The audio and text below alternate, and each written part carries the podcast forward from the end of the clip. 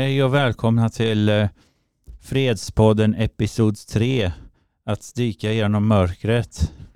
Mm. Och eh, med mig har jag Emma som kommer att så här, intervjua mig idag. Vi hade en annan tanke men eh, det som är grejen med den här podden är att ibland måste man vara flexibel och göra en plan B. Att när jag har idé för tema så får jag också tänka hur kan jag göra det här själv om eh, det nu skulle bli oförutsedda händelser? För det kommer ske oförutsedda händelser. Och det är också en eh, del av den här hur man hittar den inre freden att man eh, släpper taget om föreställningar så här ska det vara så här. Och när någonting uppenbarar sig på vägen att okej okay, det här funkar inte, hur gör jag istället? Så istället för att intervjua en person som var ursprungliga tanken så blev det att eh, vi har gått runt i jobbet, jag och Emma, och frågat typ 14-15 stycken så har vi fått i alla fall 15 svar. Och de Just har vi det. komprimerat, eller de kommer vi göra om till typ frågeställningar och så kommer jag att säga mina associationer till det jag har skrivit ner på de svaren som vi har fått. Så vi kör på ett lite annat sätt så att säga. Mm. Och, i framtida avsnitt så tänker jag att så här, när jag intervjuar gäster och sånt så kommer jag mer att intervjua dem som person så får de mer fritt säga vad de vill säga och så istället för att de ska följa visst tema. Som vi Just gjorde avsnitt två med Frode. Han fick prata om precis vad han ville. Ja. Och att man kan lita på att det, det blir så som det ska bli. Att det, det är verkligen eh, ja, men att det, det utvecklar sig självt. Och invecklar sig självt. Ja, just det. Tar sig självt framåt. Att man vecklar ut den här boxen och går ut ur boxen. Vilket dyka genom mörker för mig handlar om att man slår hål på den här boxen man känner sig inrutad i och bara hoppar ut från klippkanten och ner i avgrunden och så litar man på att goda entiteter finns där för att fånga upp en så att man bromsas och inte bara är totalt fritt fall. Nej men exakt. Men vi kanske ska berätta för lyssnarna lite också vad frågeställningen var. Att du hade en, eh, den här frågan som du gick runt och frågade eh, folk, dina arbetskollegor. Ja, det jag frågade var, vad var din första association när du hörde frasen dyka genom mörkret? Och så skrev jag ner deras första tankar. Mm. Och så har jag fått 15 olika svar ungefär. Det är helt fantastiskt. Och du, och du kan också nämna att eh, du bad dem att eh, blunda Ja, just det. när de kände eller tänkte svaret. Ja, det kan man ju också göra för då kommer man mer inåt och det finns många sätt att få det viktiga är att eh, folk svarar av eh, egna fri vilja för det är också en grej när man gör en sån här utbrytarprocess som mörkerdykande kan vara att man låter folk få ha sin fria vilja så får de vara precis där de är och klarar de inte av att svara så är det helt okej med. Och att Mm. allas eh, associationer är perfekt som de är och det är jätte, jag tycker det är jätteroligt att folk kan associera en frågeställning på så många olika sätt. Och det, där, det är också någonting som påminner mig om att hela tiden våga ifrågasätta också där du är och fråga var befinner jag mig just nu och sånt som eh, Frodes parstudier och så. Men det blir, eh, det blir en annan eh, eh, episod, eh, är det. Jag förstår ingenting av dem. Det låter ju jättespännande. Kan du, vad är, vad är det det står för par? Peace Action Research och Ah, det kommer längre, okej. det kommer Ja, längre fram. Det hör inte hemma i dagens avsnitt. Nej, jag förstår. Vi har bara en liten teaser. Japp. Japp, japp, japp, japp. Mm. Men eh, vill du att jag ska läsa svaren eller hur tänker du att vi ska läsa upp dem? Ja, jag har ju skrivit ner här lite nyckelord och sånt. Så den första vi frågade Mm. associerade mörkerdyk med man dyker i havet så det var ju mer eller mindre så här bokstavlig tolkning men man kan nu man kan få ut väldigt mycket symboliskt från det också. Den här Verkligen. personen tyckte att man inte skulle ha för hög trampolin, att det inte skulle vara för lågt heller utan lagom höjd.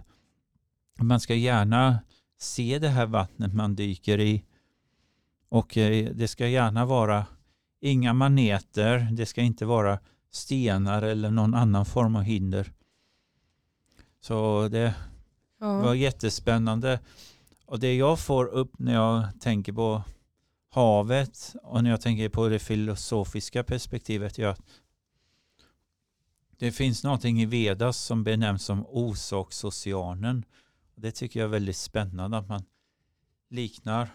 Kan, kan inte du berätta mer om, om den? Sa du att den hette Orsaksoceanen?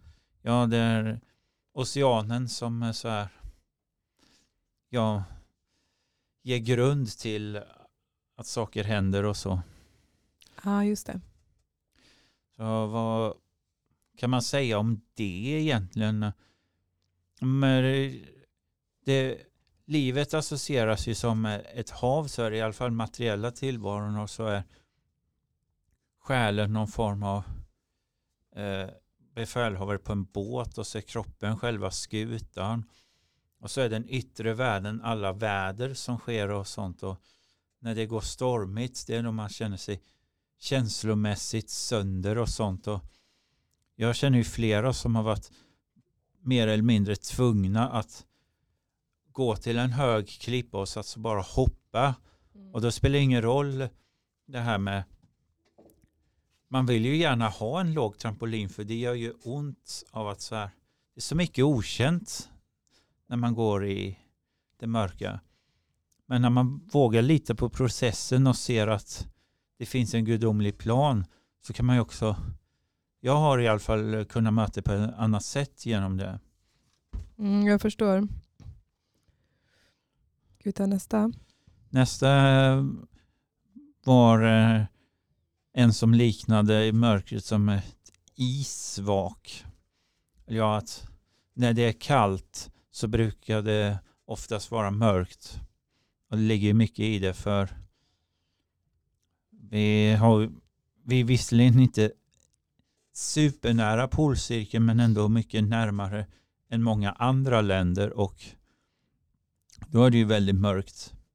I alla fall på vintertid och det är och det har blivit svårare för mig att hantera för mycket solbrist så jag kommer väl både november och januari så här när jag får tid att så här bege mig till varmare länder bara för att få mer soltimmar. Jag gjorde det i vintras. Då åkte jag till Prag och jag märkte att åtta graders skillnad med solen det var ju någonting speciellt på vintern för jag har räknat på det och när solen är som eh, längst bort från eh, Nordpolen så står solen i Göteborg nio grader över horisonten ungefär. Lite mer. Ja, det är inte mycket. Och i Prag så var den eh, eh, 17-18 grader över horisonten. Det var mer eftersom det inte var vid själva midvintern. Och jag märkte att det gjorde en enorm skillnad.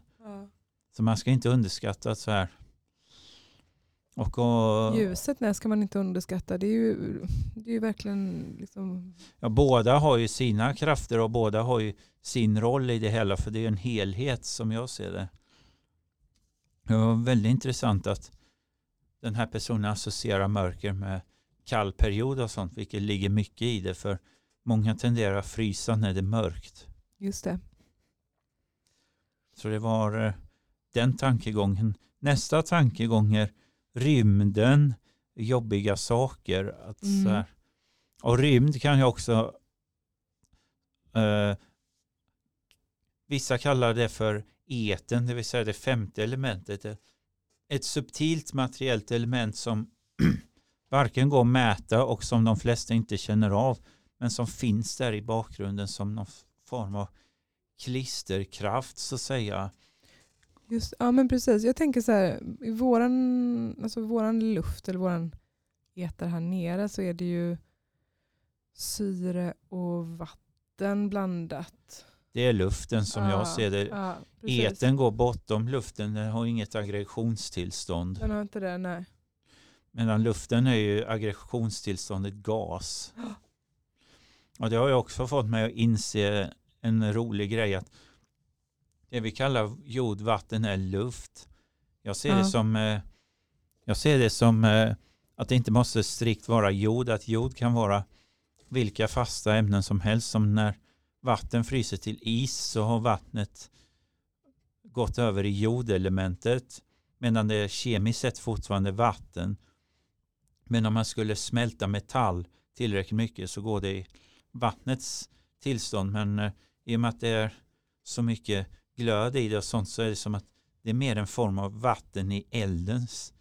Det är jättesvårt att förklara och elden är transformationens element. Det som, det som, eh, som eh, forskare kallar för kemiska reaktioner. Det är eldens element som har sin drivkraft där medan luften det är när saker förångas.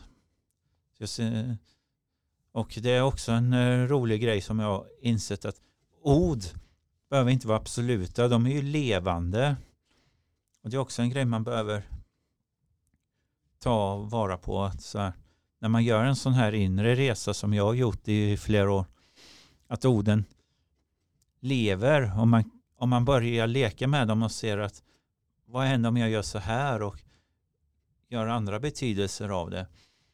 Och då kommer vi till då kom vi till eh, eh, Bilbo igen där första scenen när Gandalf träffar på Bilbo och så säger Bilbo god morgon och så säger Gandalf vad menar du?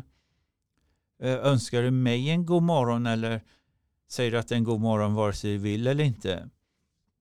Eller känner du dig särskilt god den här morgonen eller är detta en morgon att vara god på? Han ger fyra olika betydelser av två simpla ord. Och då kom vi in i det Mm. här att jag fick 15 unika svar på frasen dyka genom mörkret, vilket jag tycker var fascinerande.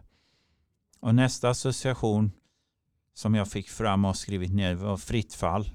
Ja. Att man bara faller handlöst och jag känner så väl igen det. När jag gick ut i det okända för jag kände att jag inte kunde stanna där jag var för jag skulle ljuga för mycket mot mig själv så var det verkligen, det var väldigt mycket fritt fall. Och vissa gånger så slog jag i den symboliska marken och det gjorde väldigt ont själsligt. ja, just det. Och det är väldigt tuffa processer och när jag trodde att jag var färdig så märkte jag att jag var bara i början Mm. och jag kunde bli väldigt frustrerad. Mm. Men varje lager som jag skal av har varit värt det. Det är som att skalet wienerbröds typ. Ja. Vad är nästa? Eh, mörk promenad, att man, att man går där det inte finns lampor. Eller att man har glömt ficklampan. Mm. Eller att den skulle vara död. Man bara går ändå. Mm. Och det ligger i linje också med nästa association som var liknande. Att, att ta ut en riktning och bara gå i blindo. Mm. Fint. Ja. Och sen har vi nästa, det är omfamna sitt inre mörker och det är också en väldigt viktig grej. ja, verkligen. Ja, man behöver inte superglorifiera det men man ska ändå vara klar för sig att det finns där och att bara trycka undan det, det kommer ju inte få en att bearbeta det på riktigt. Jag minns de enda sätt när jag för tio år sedan hade en hel del traumer och sånt så var det bara när jag mötte dem som jag kunde bli fri från dem och bara såg att det här är ju bara känslor. Det här är inte jag. Det här är Mm. bara materiella ting som har satt sig som blockeringar i huvudet Mm. och andra delar av kroppen. Och det kan ju ge upphov till fysiska sjukdomar om man inte ser sig för. Så det är jätteviktigt. Ja, absolut. Verkligen. Mm. Och nästa är väldigt intressant för den här personen fick hjärnsläpp. Och då kom jag också på det att när man får så här starka abstrakta frågor så kortsluter sig hjärnan ibland och det är väldigt intressant för Mm. jag märker att min hjärna kan kortsluta sig för vissa grejer och eh, jag bara undrar vad, vad är det som händer? Varför reagerar mitt huvud så? Och då ser jag att det är någon form av försvarsmekanism för eh, det, många blockeringar har ju manifesterats av någon form av rädsla att Mm. man är rädd för att släppa taget. Och fasthållningar har ju också en form av rädsla att om jag släpper den här saken så är jag i det okända och därför många har så många fasthållningar Ja, för att de vågar inte se vad som finns andra sidan tunneln. nej. Och eh, det är väldigt bra för många att veta att vi inte är, är själv med den här processen. När du säger så så tänker jag på att komma ihåg alltid att allting är föränderligt. Ja, I alla fall i den materiella världen för Ja, men I alla världar skulle jag säga. Alltså det, det, allting är under förändring hela tiden. och på sätt och vis eh, Mm. Eller som så här, inga känslor eller inga tankar är konstanta. är känslor, Eller är, the final liksom. känslor är ju känslor är ju materiellt eh, manifesterade. De, Mm. de eh, föds av någon form av behov eller att man inte har mött Mm. något behov. Och sen så, så ja, det blir någon form av vana i det. Ja. Väldigt, eh, väldigt komplicerat så det gäller ju att ta, ta ner det så att, så att man förstår det på Mm. ABC-nivå. Mm. ABC. Fast det där var ju mer ABC. Mm. Yes. Uh, skärselden var det någon som nämnde. Mm. Om man, eh, om man vågar gå så långt att man möter skärselden. Det kan ju vara ett helvete av att bara gå en eh, metaforisk meter utanför komfortzonen och börja, Ja. börja där. Det finns ju de som blir skiträdda och så backar. De vill, Mm. de vill se den här trygghetszonen så här, när Det de börjar så, gå. det är så himla mänskligt att Och det sen är så, så också. gå längs med trygghetszonsgränsen så man kan hoppa in igen. Vilket också är jättemänskligt. Alltså, det är ju ingenting som man får se ner på eller förkasta utan det är ju verkligen så förståeligt på något sätt. Men frågan är ju vad man kan göra för att, för att en ska våga och utforska mer och längre. Ja, I det här fallet så tror jag det han- handlar mer om att inforska och inte utforska. För Mm, utforska är ju den yttre sant. världen medan Ja. de flesta sådana här processer när man tvingas ta itu med sitt egna mörker det är ju mer den inre världen och då tycker jag Mm. att man eh, ska kalla det för Ja, forskande men, för eh, det det är ska jag börja kalla. Jag har inte hört innan faktiskt. Men det, det är ska jag Frode som har myntat eh, såklart. det ordet. Och Jag är så glad att vi började med Frode som man, som man vet. I och med att du liksom... ehm, Ja, han var ju en av eh, mina viktigaste inspirationer när, eh, när eh, vissa grejer manifesterade sig och bara fråntogs eh, väldigt abrupt för några Mm. år sedan och det är, har varit en process. Jag har varit på liknande processer innan också sedan 2012 typ men eh, mm, för några år sedan så var det en eh, stark grej som hände och så, så var det som att eh, en hel värld slog sönder men det kanske var Herren som ville att jag skulle möta det just där och då för att jag har fått så mycket välsignelser och fått sån styrka utav det så ja. ja, nästa var så här vet inte så där har vi hjärnkortslutning igen Mm, Och en annan eh, associerar med mörkt vatten. mm. Lite som den första där i svaken.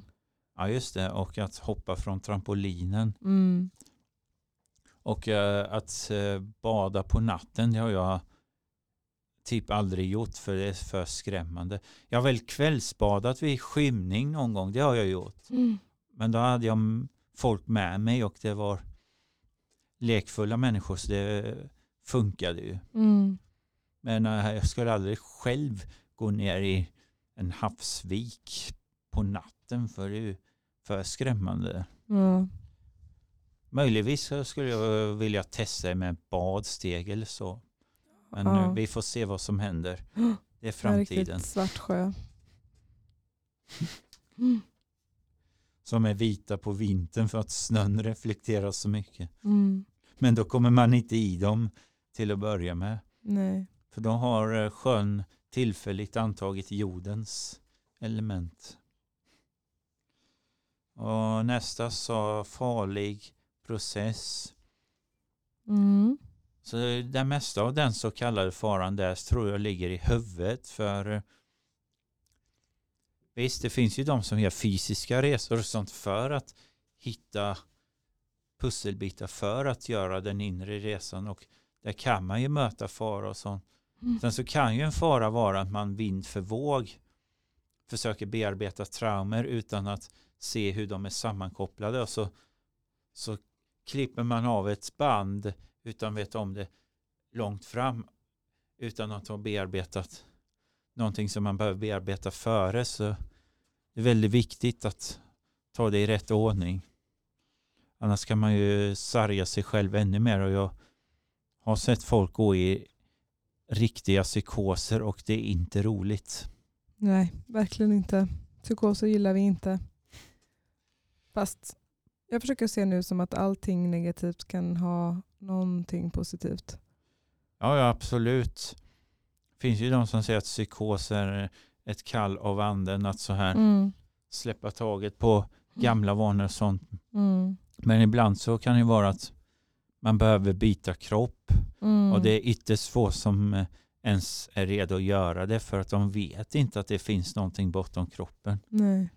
Så jag har ju blivit väldigt galet programmerad i alla fall i västra världen. Ja. Själavandringen har tagits bort för att För det att blir lättare att eh, kontrollera folk på det sättet. Mm.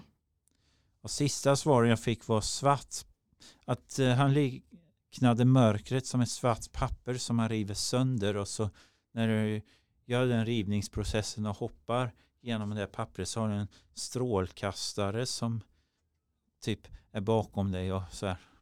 Vägleder dig. Ja. Det var fint tycker jag. Det var lite som jag tänker så här, gå genom en mörk tunnel och komma ut i ljuset.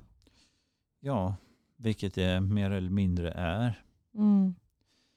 Och det som är så roligt att så här och det är det här som är en drivkraft till att jag fredsforskar med eh, med eh, medmänniskor eller par som eh, det här verktyget kallas eh, för det är en form av aktionsforskning Ja. men det är ju mer var befinner sig medmänniskan fysiskt emotionellt andligt Mm. begärsmässigt Mm.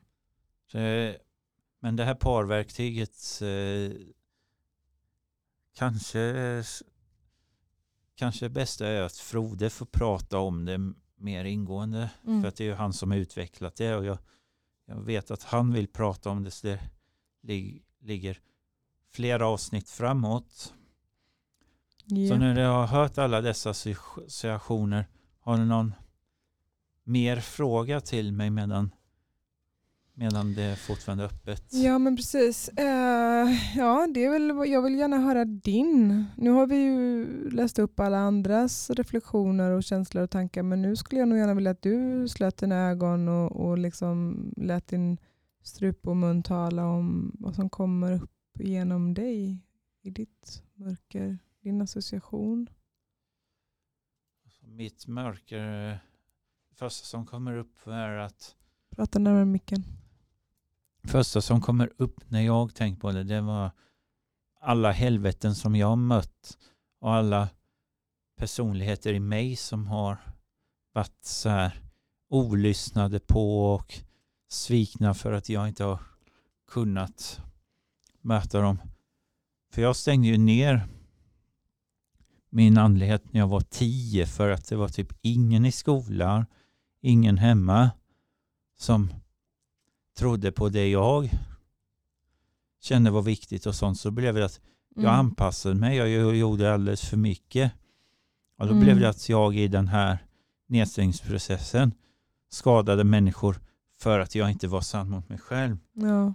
Och eh, det man sargar i sitt inre, det gör man i det yttre också. Så jag förstår ju varför många väljer kriminalitet och sånt. Det är för att de eh, inte blir lyssnade på Mm. och att deras upplevelser ses som ren fantasi och sånt och det är livsfarligt. Mm. För fantasier är ju också en form av verklighet. För allting eh, behöver inte vara sant. Den här världen har ju sina lagar och sånt men det betyder inte att upplevelsen av världen är samma. Nej. Och att ingen struktur absolut för eh, även om det är många som bara känner sig att "Nej, jag kan göra som andra säger, jag kan följa andras förväntningar istället för att följa sitt inre och fråga vad är det jag behöver egentligen? Mm. För jag känner det här 9 till 5 jobb och sånt, det tilltalar mig inte överhuvudtaget. För att få pengar, för att sen köpa saker sånt som matar en maskin som jag inte tror på. Jag kan ju gå ut i skogen, sätta potatis, sätta upp ett tält Mm. och sova ute och må minst lika bra. Mm. Sen är det skönt att på vintertid ha någon form av säng och sånt för att det är lite svårare. Men eh, förhoppningsvis så får jag under den här ljus, vår och sommarperioden tillräckligt med verktyg för att kunna leva åtminstone halva vintern ute i tält och Mm. med varm sovsäck och Mm. hitta rätt människor. Och Mm. jag vet flera som vill bryta ut men som inte vågar för att de är så fast i att om jag bara löser ut den här skulden så blir jag fri eller om jag bara får de här pengarna så blir jag fri. Det funkar inte så för eh, Maja som den här energin kallas. Den kommer alltid att dra ner dig i ett annat matrix och, Ja. Och bara få det att gå runt. Det är bara när, när jag här och nu säger att inte mer och börjar gå min egna väg. Det kommer vara motkrafter som har en hållhake som drar dig igen men eh, bara strunta i de rösterna och gör ändå. Mm. Och än så länge så har jag varit tvungen att göra det ensam för att ingen har vågat vara min följeslagare. Nej. Men nu är det ju ett gäng, nu har det ju blivit så pass ljust och varmt att jag då och då har mött så här ungdomsgäng och sånt. Jag har sovit i vindskydd och tält och Ja. då har det ju blivit mindre ensamt. Så det är i alla fall ett steg i rätt riktning och jag vet att rätt människor manifesterar sig. Ja. Och med det här så vill jag säga att till dig som tvekar, var inte rädd för att bara hoppa ut ur klippkanten. För det finns entiteter som kommer fånga upp dig och fint. jag finns här som eh, ett levande exempel som har gjort det. Att det går Ja. och att man blir starkare och man blir mer fredsfull i hjärtat och Mm. Det blir nästa tema för eh, fjärde avsnittet som Mm. jag kommer kalla för glädje och lycka och då kommer jag analysera vad betyder det egentligen Mm. och vad är den vediska perspektivet för Mm. det är också en grej som är så många använder det ordet men de eh, reflekterar inte vad menar jag egentligen när jag säger lycka och sånt Men det ser vi fram emot och verkligen. Och, och Så det blir en form av eh, motkraft mot dagens avsnitt. Men jag tyckte att det var väldigt mycket. Har tagit eh, resan genom mörkret på väldigt ljust perspektiv. Mm. Ja, Så det är väldigt intressant. så fint. Så nästa vecka kommer handla om eh, lycka och sen eh, så har jag tänkt intervjua diverse personer. Ja, Får se vilka som eh, vill och så. Yes. Men då vill jag tacka dig jättemycket David idag. Ja, tack alla lyssnare. Ha en eh, fredfull eh, dag när ni hör detta och eh, eh, sluta aldrig fredsstudera. Börja ifrågasätta allt omkring dig och allt som sker och se vad som händer. Peace.